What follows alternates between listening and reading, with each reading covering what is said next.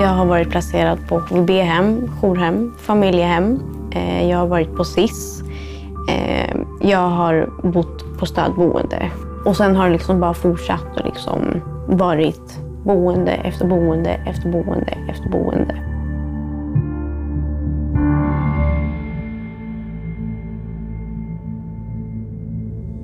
SOS Barnbyar presenterar dokumentärserien På egna ben. En podd om gripande livsöden, om barn som förväntas klara ett vuxet liv och om när samhällsansvaret brister. Att som ung vuxen leva i samhällsvård innebär att man tillhör en av de mest utsatta grupperna i Sverige. Var brister samhället? Vad borde ansvariga myndigheter göra? Och vad har SOS Barnbyar för roll?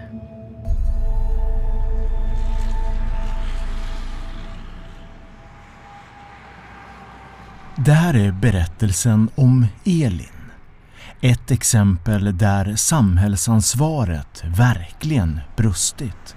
Där få tagit sitt ansvar och hur det i sin tur resulterat i att hon trillat djupt ner mellan socialtjänstens stolar. Men hallå? Vi är lite, vi är lite tidiga. Får man komma upp eller? Vad har du för kod då? Ja, ja men vi kommer snart då.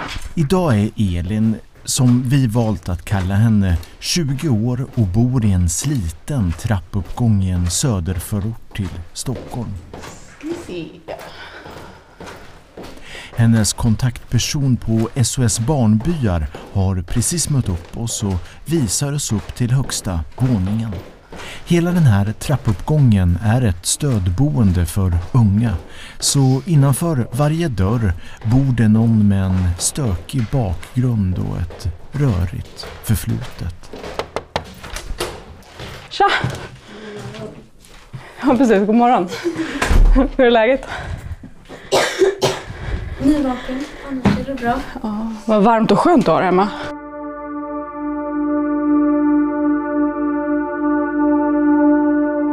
Vi sätter oss i Elins kök. Lägenheten är liten men här ryms en säng, ett köksbord för två och så en soffa.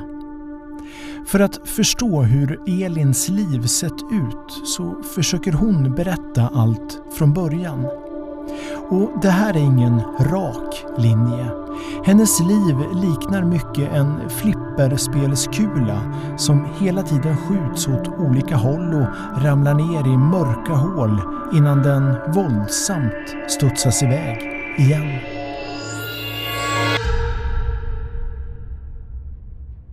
Eh, när jag växte upp så växte jag upp med min mamma, pappa eh, och min då halvstorebror som är fem år äldre än mig.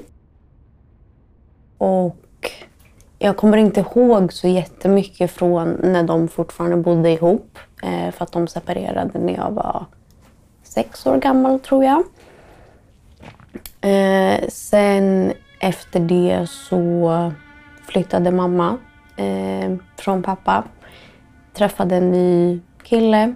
Fick ganska kort därefter eh, så kom min lilla syster till. Ehm, och ja, det var väl väldigt problematiskt om man säger så. För att mammas nya kille eh, slog mig, slog mamma eh, och var väldigt våldsam. Det är svårt att liksom berätta för att jag kommer inte ihåg så jättemycket från min barndom. Och typ allting jag kommer ihåg är typ trauman. Och i de få minnen hon har kvar så är hennes styvpappa närvarande. Det var vid ett tillfälle som han tog stryptag på min mamma framför oss alla barn. Och han släppte inte taget. Ehm, så att då fick jag gå emellan. Och hur gammal kan jag ha varit då? Åtta, nio. Ehm, och sen kom det liksom ambulans, polis, SOS kom. Ehm, och det var väl efter det som jag inte fick bo hos mamma.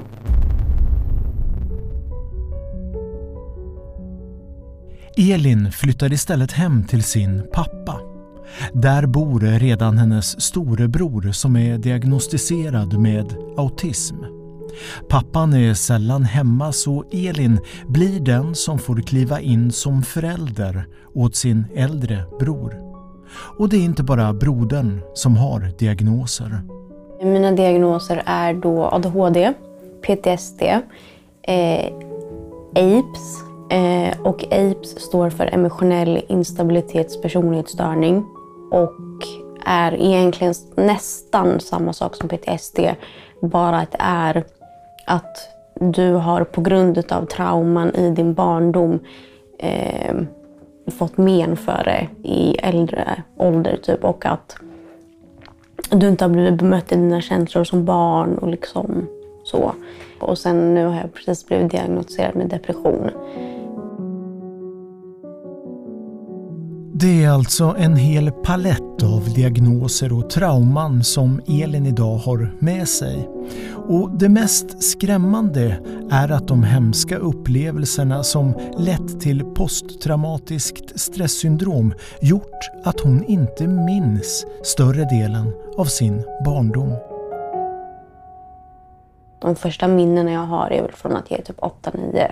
Det enda jag kommer ihåg därifrån är att det är de gånger jag typ rymde från skolan och var borta. Liksom. Jag kunde vara borta halva dagar. Eh, och poliserna letade efter mig och liksom så. Eh, annars kommer jag väl ihåg från att jag gick i typ årskurs två, tre. Eh, och det var då jag började på en behandlingsskola. Som jag har uppfattat det så var det just på grund av att jag var så utåtagerande. Jag gick i en vanlig skola i årskurs ett, två och halva tvåan. Ehm, och då så var det mycket orosanmälningar om mitt beteende och liksom det var orosanmälningar på mina föräldrar. Eh, vilket ledde till att jag började gå på BUP som väldigt liten. Socialtjänsten kopplas in ett par gånger men varje gång så tar hennes pappa strid och gör sig osams med någon utav cheferna. Så från SOS sida, märkligt nog, så lämnar man då Elin till sitt eget öde. Men till sist så fångas hon ändå upp. Jag blev placerad första gången i augusti 2018, eh, så att jag var 16. Åren fram till att hon placerades hade hennes psykiska mående gått i en spiral rakt nedåt. Ett flertal överdoser, åkt in och ut på BUP-akuten och flyttade sen själv hem till sin mamma trots att de hade en dålig relation.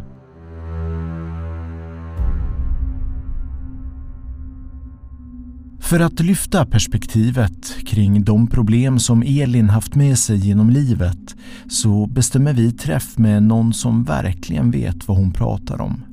En person som inifrån vet hur socialtjänsten arbetar men som också har erfarenhet av att vara ung och placerad. Mitt namn är Rebecka Svensson. Jag är socionom och arbetar som enhetschef inom barn och familj i en liten kommun i Skåne. Jag är eh, också föreläsare och föreläser utifrån att jag själv har varit placerad, eller som jag brukar kalla det, uppväxt i socialtjänstens regi. Innan dess att Elin var 16 så hade hon kontakt med socialtjänsten sporadiskt och hon beskriver då att hon eh, bevittnade våld. Och då är det så att då ska socialtjänsten enligt lag alltid inleda en utredning. Och där Eh, uppfattar jag det som att Elin inte riktigt förstått att det varit en utredning. Och att man inte har gett henne kontexten och förståelsen och sammanhanget kring hela den biten.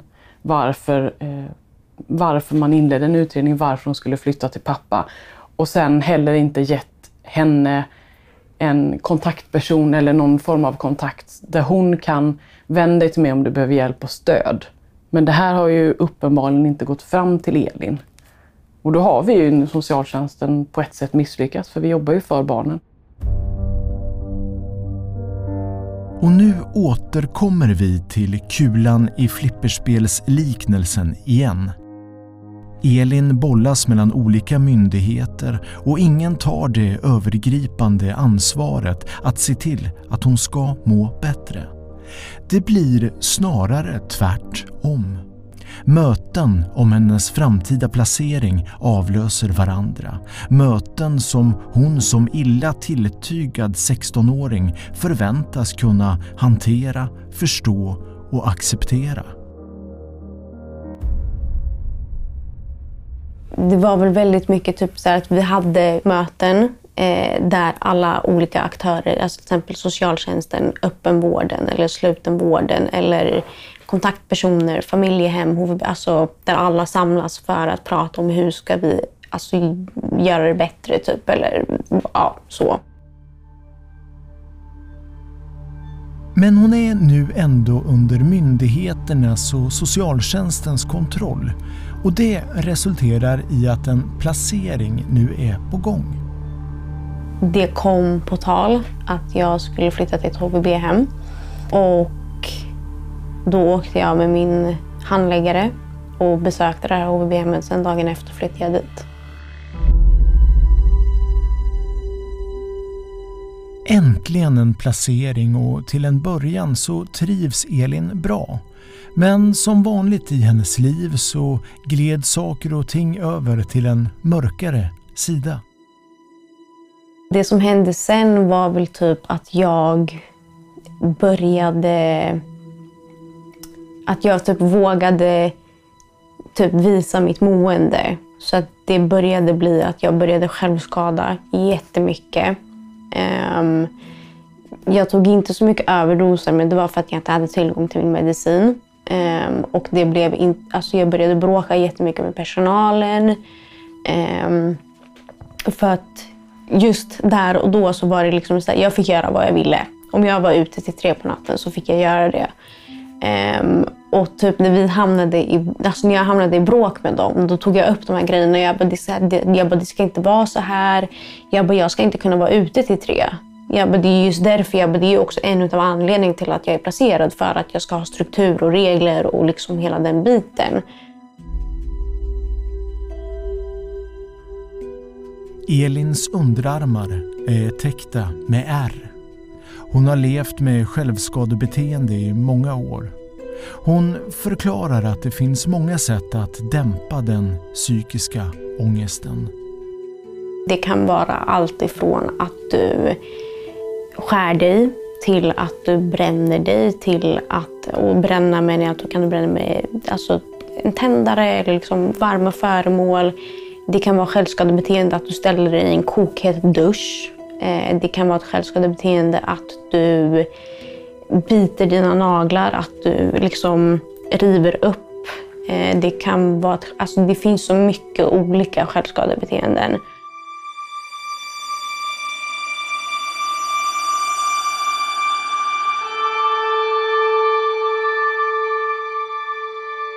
Jag började självskada. Jag började självskada när jag var 12, eh, väldigt tidigt. Och det lindrade ångesten för mig.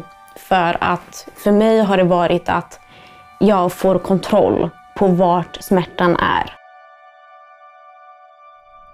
När vi kommit ungefär halvvägs genom intervjun med Elin så känner hon att det är dags för en paus. Ett välbehövligt break i en tung historia. Jag måste ta en. Ja, gör det. Elin och hennes kontaktperson från SOS Barnbyar kliver ut ur lägenheten, ut på balkongen. Och vi låter, med deras tillåtelse såklart, mikrofonerna vara på.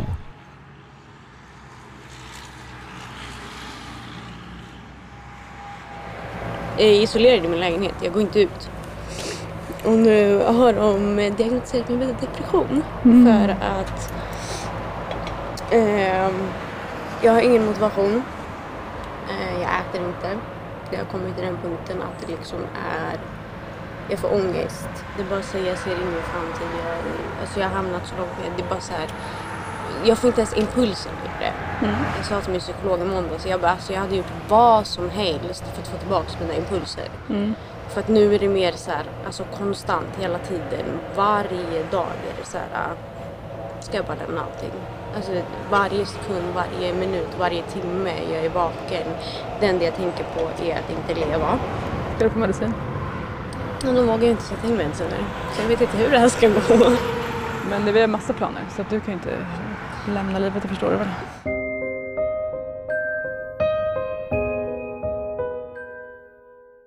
Vi sätter oss igen och fortsätter intervjun.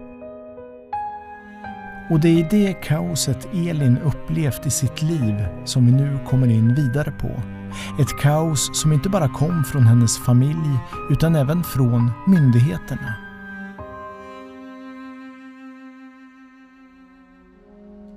Elin försöker reda ut tidslinjen från hennes liv i placering och det startar med det första HVB-hemmet hon pratar om tidigare.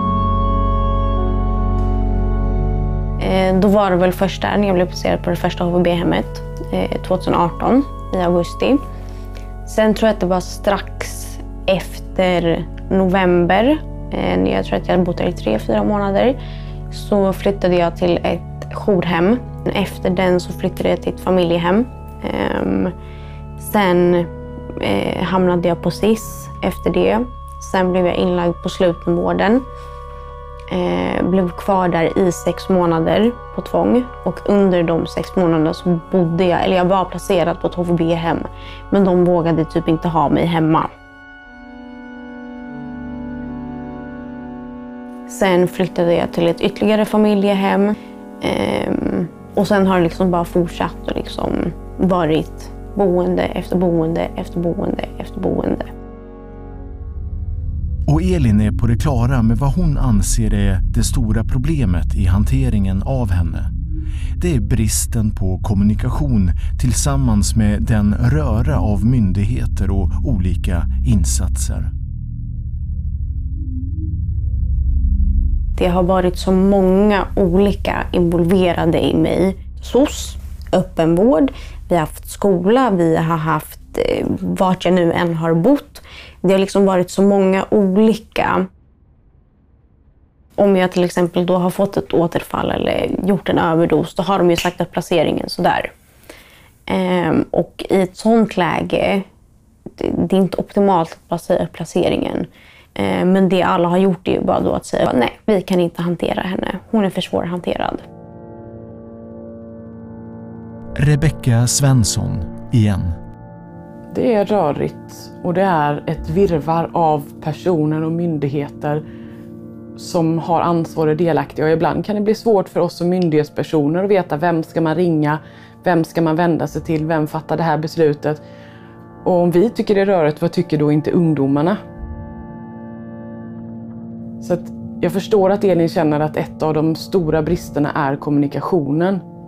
Det finns inte ett paraply, det finns inte en myndighet som har hand om allting. Så man måste samverka och därför måste de här mötena till hela tiden.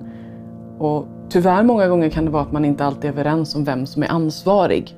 Och då blir det ju de här glappen som Elin har fastnat i. Och ju fler glapp, ju fler möten och desto mer tänker jag att barnen inte förstår syftet med det, för de får ju inte hjälp.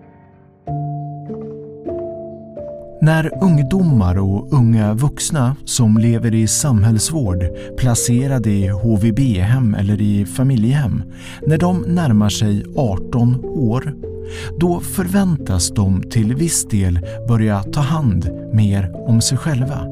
Tanken är att de ska lämna socialtjänstens övervakande och klara sig på egen hand.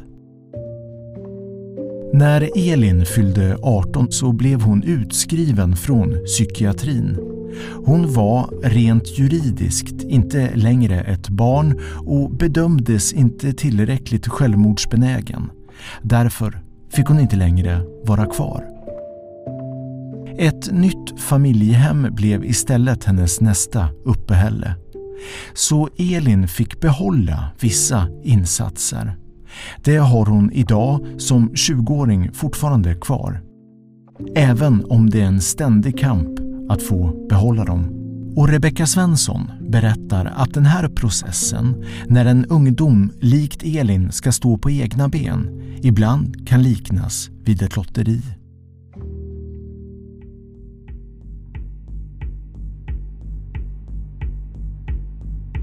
Nu blev ju Elin som sagt familjehemsplacerad vilket kan beskrivas som tur på så vis att hon hade någonstans att landa. Sen i hela perspektivet i Elins eh, berättelse och Elins liv så är det ju verkligen inte tur man kan beskriva Elins öde som. Men i det här fallet så fick hon någonstans att landa, vilket gjorde att hon kunde få fortsätta insatser.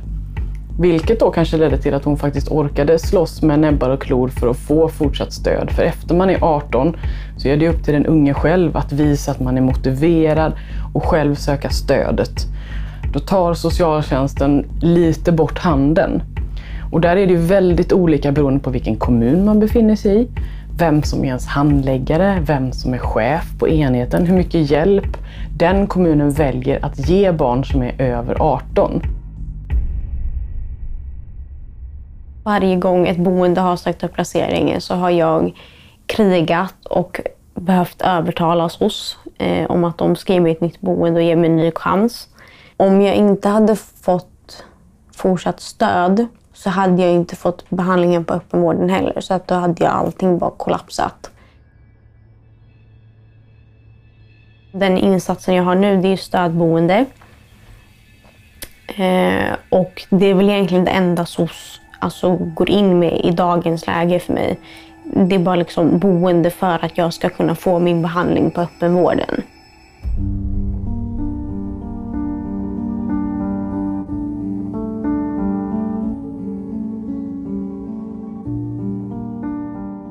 Trots allt det Elin gått igenom vill hon hjälpa andra. Genom SOS Barnbyar och några andra ideella organisationer så försöker hon berätta om sin egen bakgrund för att stötta. Jag föreläser om barn och unga som är placerade inom samhällsvård med NPF-diagnoser och liksom att det brister och att man kan se att barn och unga, och speciellt tjejer med NPF-diagnoser, blir mer utsatta. Jag är med i Knas hemma, eh, nybliven ambassadör. Eh, och sen är det väl att jag, ja, som nu, är med i den här podden. Försöka göra liksom en förändring och nå ut till alla som sitter högt upp och liksom så här, ni måste se verkligheten. Elin har levt ett liv få av oss kan föreställa sig. Det är kämpigt. Ehm, jag bor ju då på ett stödboende. Ehm, har väldigt mycket kontakt med psykiatrin. Just nu och sedan några månader tillbaka så har det varit jättejobbigt. Ehm, måendet har tagit över väldigt mycket. Så att, att tänka långt fram är väldigt svårt. Ehm, men ja, som det är just nu så är jag bara dag för dag och liksom överlever dagen.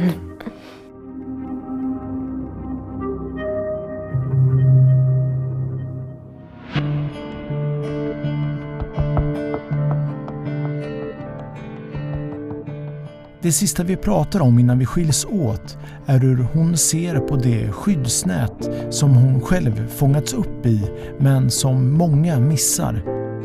Det som borde finnas, eh, alltså som jag tycker, det är att det finns just det här ett mellanting. För att bara för att du fyller 18 och liksom är vuxen på papper så betyder inte det att nu har jag fixat hela mitt liv på en natt eh, och kan stå på mina egna ben själv förvänta sig att Elin efter det livet hon har haft, efter sitt mående och hon har blivit behandlad av myndigheter, att hon ska kunna stå helt på egna ben, det är att förvänta sig mycket. Det är vårt ansvar att fånga upp henne nu eftersom vi inte gjorde det då. Alla måste inse att bara för att man blir vuxen på papper så är man inte vuxen. Om jag själv tittade tillbaks på eh, om de hade sagt nej, du är vuxen. Då hade inte jag stått här idag.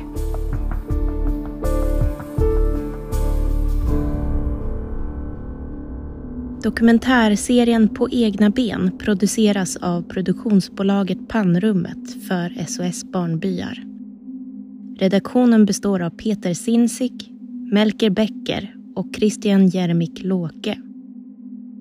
Om du som lyssnat på det här avsnittet är eller varit placerad och känner att du behöver råd och stöd, kontakta SOS Barnbyar.